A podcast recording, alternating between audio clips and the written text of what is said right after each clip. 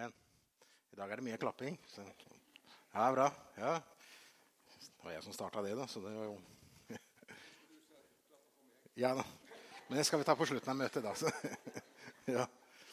ja, flott å se dere alle. Som jeg sa, det er, det er godt å kunne være sammen her i, i Jesu navn og få lov til å oppleve eh, fellesskapet, oppleve at eh, vi kan få lov til å ære, ære Herren og prise Hans navn. Og selvfølgelig dette å kunne da også sammen få lov til å være med på barnevelsignelsen. Så det er jo det er en fantastisk privilegium som vi har. Og så, som allerede nevnt, gratulerer med dagen, alle fedre. Det er farsdag i dag. Er det noen som har fått frokost på senga? Er det noen som liker å få frokost på senga? da? Det er et annet spørsmål. ikke sant? Ja, det er, uh, Dette med farsdag og morsdag og sånne, sånne dager som man, man har i, i, kalenderen, er jo Man feirer litt sånn forskjellig. Men det er ikke alltid like greit for alle. fordi det å ha en far er ikke alle som kanskje har hatt et godt forhold eller har et godt forhold med sin far. Og kanskje noen ikke kjenner sin far. og Kanskje noen ikke har hatt en far i hele tatt. Så det med å, å ha en sånne markeringer og sånne dager er, er, flott for mange. Men så er det noen da som, eh, som på en måte kanskje ikke har et helt eh, ikke helt greit, greit dag i dag. Kanskje noen har mista en far for ikke så lenge siden òg. Eva har mista sin far for ikke så lenge siden. Så det blir en så spesiell, spesiell dag. Men eh, vi har jo da fantastiske eh, gave fra vår far. Og Det er det som budskapet handler om i dag.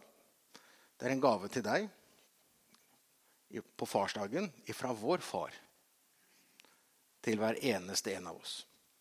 I, eh,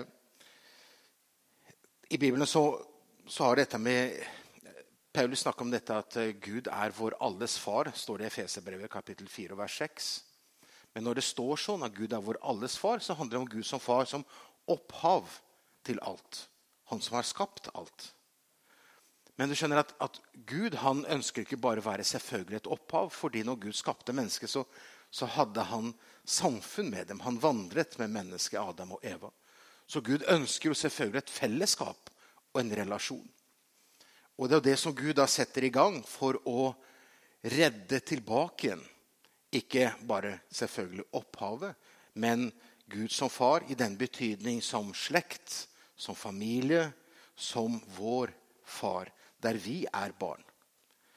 Eh, og da er det et, et, ord Jeg vet ikke om du har, du har sikkert hørt det. Abba-far. Har du hørt om det?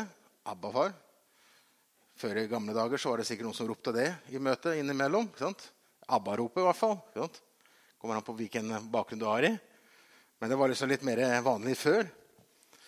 Eh, og Abba far er et uttrykk som Paulus bruker to ganger. Jeg skal lese fra Galaterne kapittel 4, og vers 4-6. For Det er akkurat dette med Abba far som, som ble liksom talende for meg disse dagene. Dette å få fram akkurat det, hvorfor dette er her. Så merkelige greier å si det på. Kan ikke bare si Gud, far Gud. Abba og far og alt dette her. Eh, men så sier, skriver Paulus da til menigheten. Og så sier han da Dette er her ifra med vers, i vers 4 til med vers, vers 6. Men da tidens fylde kom, utsendte Gud sin sønn, født av en kvinne, født under loven, for å kjøpe fri den som var under loven, for at vi skulle få del i barnekåret. Fordi dere er sønner, har Gud sendt sin sønn inn i våre hjerter, som roper 'Abba, far'. Derfor er du ikke lenger slave, men du er sønn. Og er du sønn, da er du også arving ved Jesus Kristus, eller ved Kristus. Så den teksten her som vi leste her, er en kjent tekst i mange, mange sammenheng. Men, men teksten her er på en veldig resumert måte så, så forteller Paulus akkurat dette. Hvordan Gud gjør, og hva Gud gjorde for å kunne gjøre alt i stand. Så, så det ikke ble bare en, en, relasjon til Gud som Gud som skaper, som er langt der borte, der synden kom inn i menneskeheten og på en måte avskilte oss fra Gud. Og hvordan da vi kunne få lov til å ha et, et nærere forhold til Han. Og Det er jo det som er, det er jo Guds gave til oss alle mennesker. Om du bor her på Moster eller Haugesund ja, det var viktig, ja. eller du bor på Vestlandet eller Østlandet eller er fra Finnmark, eller fra Sør-Amerika, Afrika, Asia, hvor du enn er, så, så, gjorde Gud, som vår far, noe for oss alle. Og det, I vers 4 så, så, begynner det med dette at, at Gud ble menneske. og det, det er hele juletiden som vi går inn i advent. altså Gud ble menneske. og I, i vår adventfeiring så blir det veldig mye det er mye kaker og mye kos og mye lys og mye, mye ting. Sant? Og det er jo flott, det, på en måte. Men, men, noen ganger så blir liksom dette med at, at Wow! Gud blei som deg og meg. Det blir liksom borte. Det blir liksom der, Nå skal vi samle familie, og nå skal vi gjøre ting. Vi, liksom, men at Gud ble som deg og meg, det blir litt borte. Og Det er det som Paulus sier, at Gud, altså det er det første steget som Gud tar ikke som vi gjør. Så sier Paulus det gjør Gud. Gud blei. Gud ble som deg og meg. Gud ble menneske. ikke sant? Så han, også ikke nok med at han ble menneske og bare levde her, men han gjorde noe med det står i vers 5, for å kjøpe fri den som var under loven, for at vi skulle få del i barnekår. Så altså, han, han kjøpte oss fri. Han på en måte istandsatte alt sammen for at, at vi skulle kunne være rettmessig eier av Han. Og Det er kanskje ikke noe vi akkurat tenker på, at vi kan være rettmessig eier av Gud. Ja. Synden gjorde noe med oss mennesker. Jeg skal passe meg for ikke å ha en bibeltime. ikke sant? Men, men synden gjorde at avstanden kom. Og synden kom hos alle mennesker.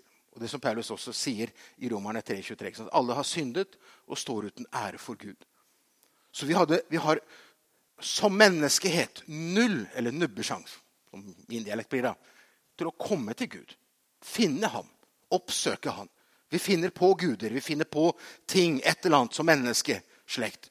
For vi alle har en evighet lagt i våre hjerter, så vi, så vi søker det overnaturlige. Vi søker Gud et eller annet sted.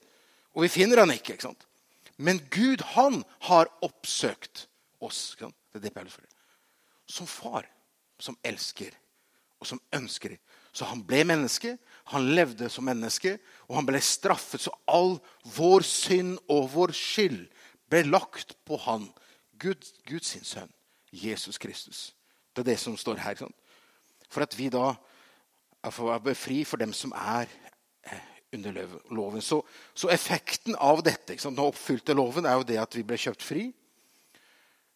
Vi er helt fri i Jesus Kristus. Og så ikke nok med det, men vi har fått barnekår, står det i, i denne oversettelsen her, og sikkert den som vi fikk opp på veggen her. Så står det da I 2011-oversettelsen så står det 'retten til å være barn'. Og Det er kanskje litt bedre uttrykk for oss å forstå hva barnekår betyr. Men det er den juridiske retten til å være. Og det, tenker, det er veldig merkelig at man snakker om på den måten. Geir, Man snakker om hva Gud har gjort. Snakker om juridisk rett. Jo, fordi, fordi Gud han, altså, Gud er rett, rettferdig. Gud er hellig. Noen må ta straffen for all synd som vi gjør, og som menneskeheten har gjort. Og det er det som Gud gjør rettmessig. Han tar straffen på seg. For at han kan være fri til å ta oss til seg igjen. Dette er en litt rare tanke kanskje for noen. Men det er det Gud gjør. Gud kjøpt, kjøpte oss fri. Det er Guds farsgave for å si det sånn, til alle oss. Som barn i det forstand som opphav. Det er Guds gave.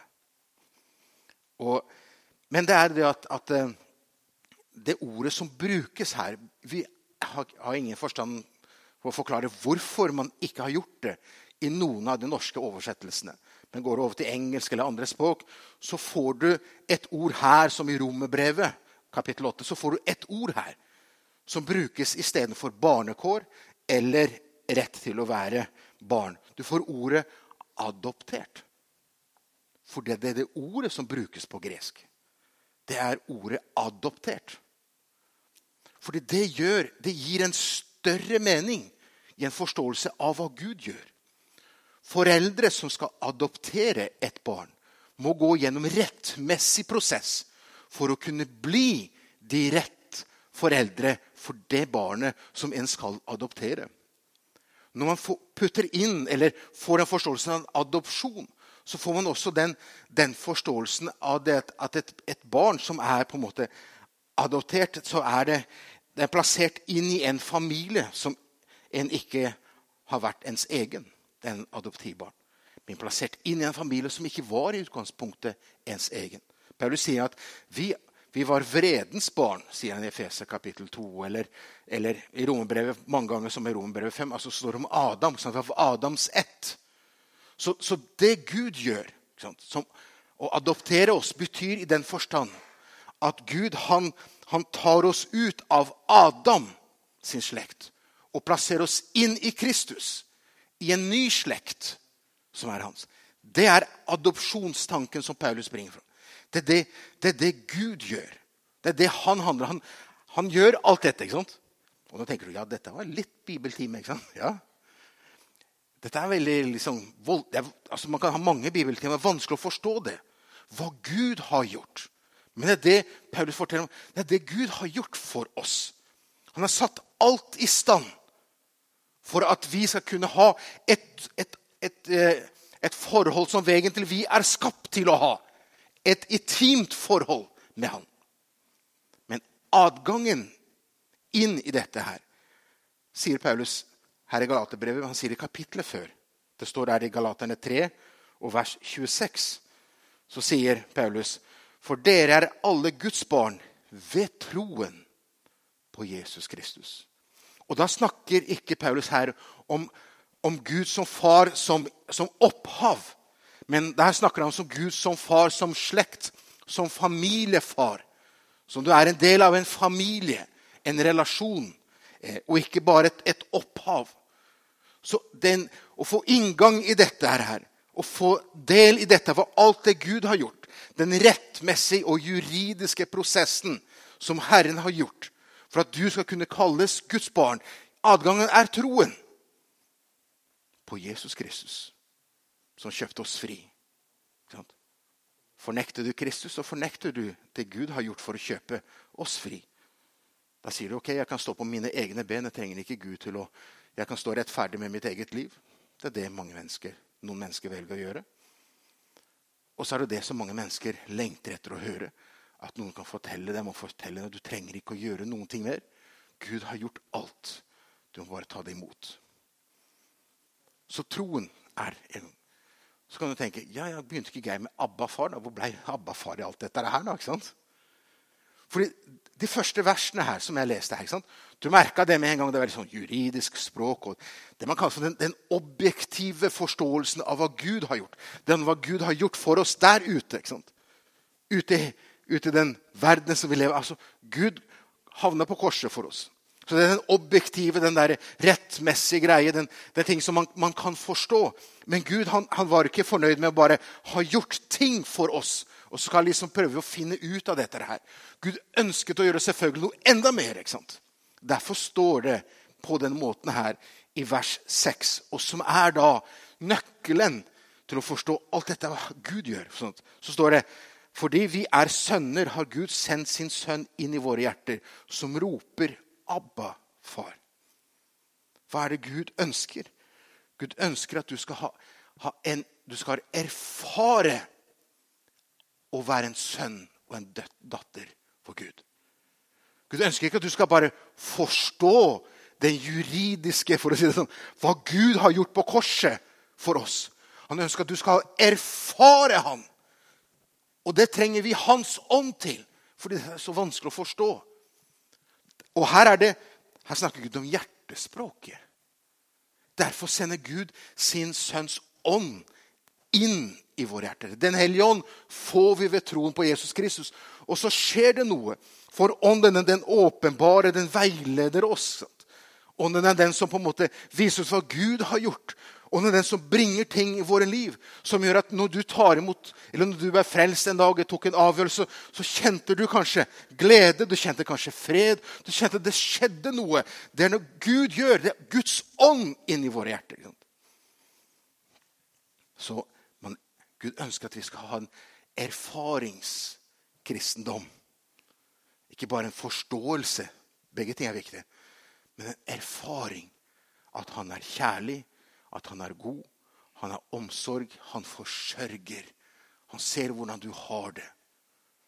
Det er dette med å ta barnet på fanget ikke sant? som Jesus gjør. Og så velsigner han dem. Det oppleves. Det er det Herren vil. Du skal, du skal få lov til å oppleves som barn. Så står det her, som vi leste her i, i Romerne 4, så står det her i vers 6 at altså, Gud har sendt sin sønn inn i våre hjerter, som roper 'Abba, far'. Sånn, så her står det at, at Guds ånd roper 'Abba, far'. Og hvis du ser i, i Romerne 8, 15, som det samme uttrykket brukes 'Abba, far' Jeg skal bare lese to vers. 8, Romerne 8,15. Så står det der, ikke sant? Dere fikk ikke trelldommens ånd, så dere igjen skulle frykte, men dere har fått barnekårets, altså adops adopsjonsånd. Dere har blitt en del, rett til å være hans sønn i ånden. Og vi roper 'Abba, far'. Ja, men Et sted så sier Paulus at det er ånden som roper 'Abba, far', og et annet sted så sier vi. ikke sant? Er det vi eller er det ånden som er i, i oss, som roper 'Abba, far', som sier 'Love være Gud'? ikke sant? Er det vi eller er det ånden? Og da kommer vers 16 her i Romerne 8 som et svar på nettopp det. ikke sant? Ånden selv vitner sammen med vår ånd at vi er Guds barn. Den er Abba-far. Ja. Guds ånd kommer inn i våre hjerter. ikke sant? Og så roper den Abba-far. Abba for å forklare det. Så det har ikke jeg forklart ennå. Men jeg skal tenke å forklare det snart. Som betyr far eller pappa, vil noen kanskje egentlig si. Det er aramaisk ord for, for far. Altså Abba-far. Far er det greske ordet som brukes pater på gresk. Her står det på aramaisk og norsk. Abba-far. Det ordet pappa intimitet. Så det er ånden og vår ånd. Så det skjer noe. Så, så Gud, Gud, var ikke bare fornøyd med at han skulle gjøre deg juridisk rett, at Gud skulle få lov til å ha kjøpt deg fri, så du skulle være hans barn. Han vil at du skal oppleve en relasjon i det, der du kjenner gleden. Oppleve Herre, hvor fantastisk det er. Og det er der ånden roper i vår Hellige Ånd. Abba, far, prise Gud. Se hva Gud har gjort. Og så er det vår ånd som i, i opplevelsen av Guds kjærligheten så blir det en, en Abba-rop. En liten tanke dette her. Liksom, altså noen ganger Når man har snakket dette med en Abba og far, hvorfor, man bruker, hvorfor Paulus bruker begge de to uttrykkene, ikke bare sier far. ikke sant? Så er jo selvfølgelig Noe av det er jo fordi selvfølgelig de mange, mange er jo jødiske kristne som forstår aramaisk. Og mange i den Midtøsten-området snakker aramaisk på den tida. Så de forsto aramaisk. Så det er jo én ting. Men det er en annen grunn til at Paulus bruker ordet 'abba' og ikke bare 'pater' på gresk. Ikke bare ordet 'far'. Fordi det er, det er nesten sjokkerende at Paulus bruker det ordet her. Det er så, det er så det er så grensesprengende for dem som leser det. Fordi det var dette ordet Jesus brukte konkret når han ba til sin Gud. Når Jesus ba til sin far, blant annet i, og spesielt i, Markus kapittel 14, så står det slik i, eh, i vers 36, når han er der i i Getsemanehage, Markus 14, 36, så står det Når han gikk bort fra disiplene og skulle be for seg selv, og så roper da Jesus. Og han sa, 'Abba, far'. Er det mulig for deg, la denne kalken eh, ta den kalk fra meg, men ikke som du vil, bare som du vil. Og ordet 'Abba' brukte Jesus hele tiden når han gikk. Fordi han snakka aramaisk, han snakka ikke gresk når han gikk rundt omkring. Så det er et ord som, som, Jesus brukte i sin munn, som jødene brukte ikke det. For har det intimitet. Det er ordet pappa. pappa. Det er ikke ordet far. Det er ord pappa. Og når Paulus plutselig bruker dette ordet inn i en forståelse av Gud rettmessig har gjort oss til hans barn. Og så sender han Hans ånd inn i våre hjerter, så vi kan få lov til å rope 'pappa'. Er så grensesprengende fordi det er en forståelse av en intimitet. At til og med det ordet, konkrete ordet som Jesus brukte om sin far, har vi lov til å, til å bruke. Den tittelen som pappa har vi plutselig lov til å bruke som Jesus gjorde. Dette her er, ble jo så det ble så markant i, i, kirkehistorien i det første kristnes tid at, at det ordet 'Abba' gikk igjen. Du har mye på engelsk, Abbe, du har forskjellige ting. Men ordet 'Abba' blir, ser du stadig vekk brukt i det første kristne tid og, og gjennom århundrer. For det ble, det ble så markant måte å kunne titulere Gud som far. Ikke som opphav, men som pappa. Min pappa. Men så er jo det sånn med, med oss fleste av oss at vi, at vi, er jo alle barn av foreldre. Av en eller annen gang, i hvert fall. Lærer fortsatt enda. Og så, så blir vi voksne og selvstendige og kjører vårt eget liv. Og det er helt naturlig at vi på en måte skal på en måte klippe navlestrengen og liksom så besøker man foreldrene og er, står imot dem og er litt sta. Klarer oss sjøl. Gjør forskjellige ting. Det er helt naturlig for oss. Men faktisk, det er helt unaturlig for oss å være sånn når vi er Guds barn. Men noen ganger, som kristne som har vært kristne i noen år, så glemmer vi, eller vi legger Gud til side. Det, det blir en relasjon til Gud som far, ikke lenger som pappa der man kommer til ham bare som barn. Ikke som sykepleier eller lærer eller, eller med etternavn eller med tittel eller med eiendom eller med et eller annet en har fått til i livet. Ikke med, med ting en ikke klarer å få til heller. ikke sant? Men å bare komme framfor han som barn. Det glemmer vi noen ganger. For vi er selvstendige. men plutselig så rakner ting. Plutselig så blir man alvorlig syk. Plutselig så blir man arbeidsløs. Plutselig så blir økonomien vanskelig. Plutselig så skjer det et eller annet i vårt liv som, som vi forstår at Oi, dette her kan ikke jeg fikse. Nå må vi be. Og så kunne vi ha bedt hele tida. Ja. Men nå må vi søke.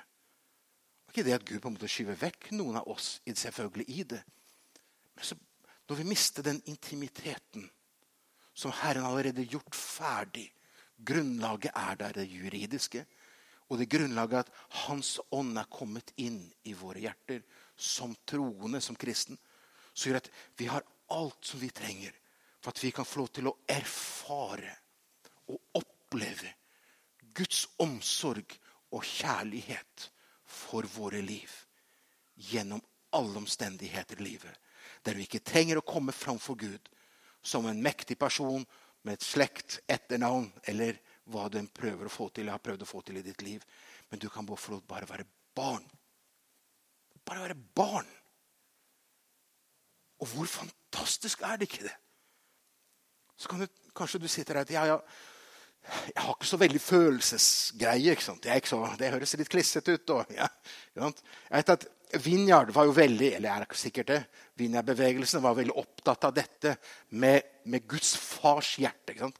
Dette kjærlighets, dette, det, å, det å sitte på Guds fang. Så, så vin, for den som kjenner Vinjard-bevegelsen, de, de, har vært veldig fokusert på det. fordi det var noe som plutselig Av en eller annen grunn så, så mista man det i mange kristne sammenheng. Og så har det med den, den, den åndsopplevelsen som mange av dem i Vinjard opplevde. Der plutselig så opplevde de Guds nærhet. Men så tenkte jeg ja, det er litt sånn Jeg er på pappas, Guds pappas fang. Liksom. Det høres litt sånn der Ja, jeg, Min forhold til pappa er at vi, vi, gjør noe sammen eller et eller annet greie. ikke sant? Det, det, det er helt greit. Det, det ikke, for det handler ikke om, om, om hvordan du følelsesmessig uttrykker deg.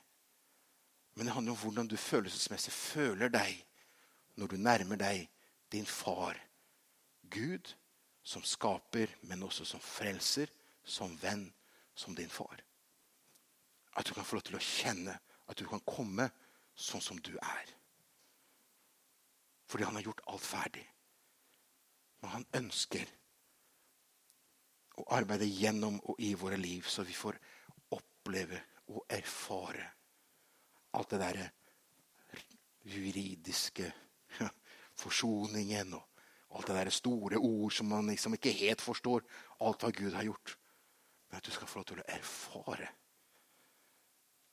at om ikke jeg forstår forsoningslæra og alt det som har med Kristus og hva Gud har gjort, så kan jeg på tross av at ikke jeg forstår det, få lov til å tilnærme meg Gud og kjenne at han er glad i meg. Det er din fars gave i dag fra din Gud. Han har gjort alt rede for at du skal få lov til å kjenne at du kan få lov til å være bare, bare barn. Og det er vanskelig for oss. Det blir som et, et bilde jeg kan tenke meg, Det er jo som en, en, en tiger som er født i et, født i en, et zoologisk hage innenfor et, i et bur. Bare med gitter. Vet at Min oppvekst er i Brasil, så zoologisk hage i Brasil er noe annet enn en her i Europa. Jo, der ser du tiger og løver og bjørner i bur. Og ikke løst, i hvert fall. Som har hele sin sin voksentid i bur. og du kommer inn på en av de, Den største dyreparken i, i byen Resif, der vi bodde, en svær dyrepark, der så vi noen ganger. Var, det var jo noen tigrer og løver. Og, og tigrene så at det gikk sånn frem og tilbake sant? I buret hele tida. Men det var tomt sånn i blikket. Det bare gikk der. Så er det som om vi mennesker, når, når vi er født i, i syndens gård som mennesker Vi er slaver. Vredens barn. Vi står alltid mot Gud. Vi er der. ikke sant? Og så er det da når Gud på en måte i Kristus har fått lov til å tatt vekk alle stengsler Du er fri. Så blir vi som, noen ganger som denne tigeren. Så Om man tar vekk alt av gjerder, så går han fortsatt der frem og tilbake. For Han ser seg ikke at han er fri. Han er fortsatt fanget inni sitt hode i det livet der. Og det er der ånden kommer oss til hjelp. Så vi skal få lov til å skjønne, forstå og oppleve at vi er fri i Kristus Jesus. Vi kan få lov til å hoppe, danse. Ikke Vi kan få lov til å reise oss opp og prise Gud. Vi kan få lov til å legge all vår synd og vår skyld på Han. Du behøver ikke å bære fortiden. Du behøver ikke å bære noen ting av det du skulle og burde ha gjort. Du behøver ikke å gjøre deg bedre i stand før du skal be. Du kan få lov til å komme inn for Gud sånn som du er. Det er Guds gave til deg. Kanskje du sitter her og opplever at du er, du er blitt så voksen i ditt kristent liv at, at ditt intime liv med Gud er blitt litt fremmed.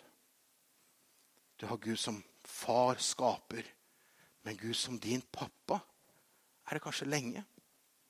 Kanskje det er lenge siden du har bare, bare grått innenfor Gud. Bare å gråte og si 'Gud, tilgi meg'.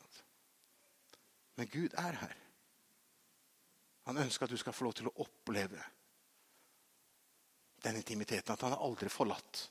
Han har aldri glemt noen av dere. Noen av oss. Han har vært der hele tiden. Han ønsker å være den som styrker vårt indre. Det kan hende du sitter her og opplever dette er veldig vanskelig. Jeg forstår ikke, jeg vet ikke hvordan jeg skal komme tilbake til dette. En av måtene er det som jeg har fortalt om det. Det å bare være ærlig med Gud og bare si 'Herre, tilgi meg'. Herre, takk. Og så er det en annen ting som er så veldig viktig. Begynn å bruke Bibelen din. Les i Nytestamentet. Les hva Gud har måttet gjort for deg. Så skaper det noe. Når du begynner å lese påskeevangeliet, påsketeksten, så skjer det noe med deg. At du plutselig ser at Se hva Jesus måtte lide for meg. Bruk Guds ord. Les det. Se hva Gud har gjort for deg og for meg. Så skal du få lov til å kjenne at intimiteten den kommer ganske fort. Fordi du ser at jeg er ikke verdig noen ting av det. Men jeg har fått det av bare nåde. Jeg skal være med og synge nå på avslutningen av møtet. men før vi synger sammen også, kan vi få lov til å legge, legge våre liv inn for Herren. Og så kan vi takke Gud at han er blitt vår far i intimitet ved troen på Kristus. Og om du er her som ikke har tatt imot Jesus som din frelse, som, som ikke har dette Du kjenner det dragende, du kjenner det tales i ditt hjerte. Så handler det bare om å bekjenne, erkjenne Gud, jeg trenger deg. Gud, tilgi meg. Jesus, frels meg. Jesus, hjelp meg. Du bare sier med dine ord, så har du plutselig adgang til alt det Gud har gjort. Og så blir du født på ny igjen der og da. I en ny familie er du plutselig kommet til som adoptiv. For det var ikke din familie, men du er blitt det ved troen. Men om du er her og kjenner at Gud som pappa, det er kanskje blitt fremmed for deg. Men Gud ønsker at du skal få lov til å oppleve Han som pappa nå. Herre, vi takker og priser deg, himmelske Far. Vi takker deg, Gud, for at Herre, du, du, tok initiativet for våre liv, Herre. Vi takker deg, Herre, for at du er, du er ikke passiv og sa bare at ja, dette gikk, dette gikk skeis, Herre. Men, men, du, Herre, du oppsøkte oss. Du ble som menneske. Du døde for oss, Herre. Du har gjort alt dette i stand, Herre. Og så ønsker du, Herre, dette fellesskapet med oss, Herre. Jeg takker deg for det. Det viser din enorme kjærlighet som du har for hver eneste en av oss, Herre. Jeg ber Herre for om det er noen her i formiddag som ikke kjenner deg som pappa, som ikke kjenner deg som frelsere, som ikke kjenner deg som familie, Herre, som, som Guds barn, Herre, skal få lov til å oppleve det nå i formiddag ved å legge sitt liv inn i dine hender, Herre, og lov til å se at du fører inn, Herre, for du har gjort alt ferdig. Men så ber jeg også, Herre, for den som kanskje opplever at livets gang og kav og alt det som har kommet, Herre, gjort at man har blitt selvstendig og uavhengig av deg, Herre. Det er på en måte, Du som pappa, det er, det er, blitt, det er blitt, fremmed. For den klarer seg selv, Herre, men kjenner hvordan, hvordan hjertet blir lunken. Herre. Hvordan gleden ikke er lenger der til stede. Hvor takknemligheten er langt borte. Herre. Der, der kjærligheten ikke er, er, til stede lenger på den måten, Herre. Herre, jeg ber Herre, for den som har kommet litt bort Herre, ifra din fars fang, Herre, i relasjon til deg, Herre. La de få lov til å kjenne det, la de få lov til å si til deg, Herre, Herre, tilgi meg, Herre. Herre, jeg trenger deg, Herre. Herre Jesus, åpne du mitt øye, Herre. Knus du mitt stolte hjerte, Herre. La meg få lov til å kjenne, Herre, at jeg er ditt barn igjen, Herre. For jeg trenger å oppleve og erfare, Herre, at jeg er barn, at jeg er sønn, at jeg er datter, Herre. Herre, jeg ber, Herre, takker deg, Jesus, for at det ønsker du å gjøre, Herre. I hvert eneste en av oss, Herre. I Jesu navn. I Jesu navn. Halleluja. Halleluja.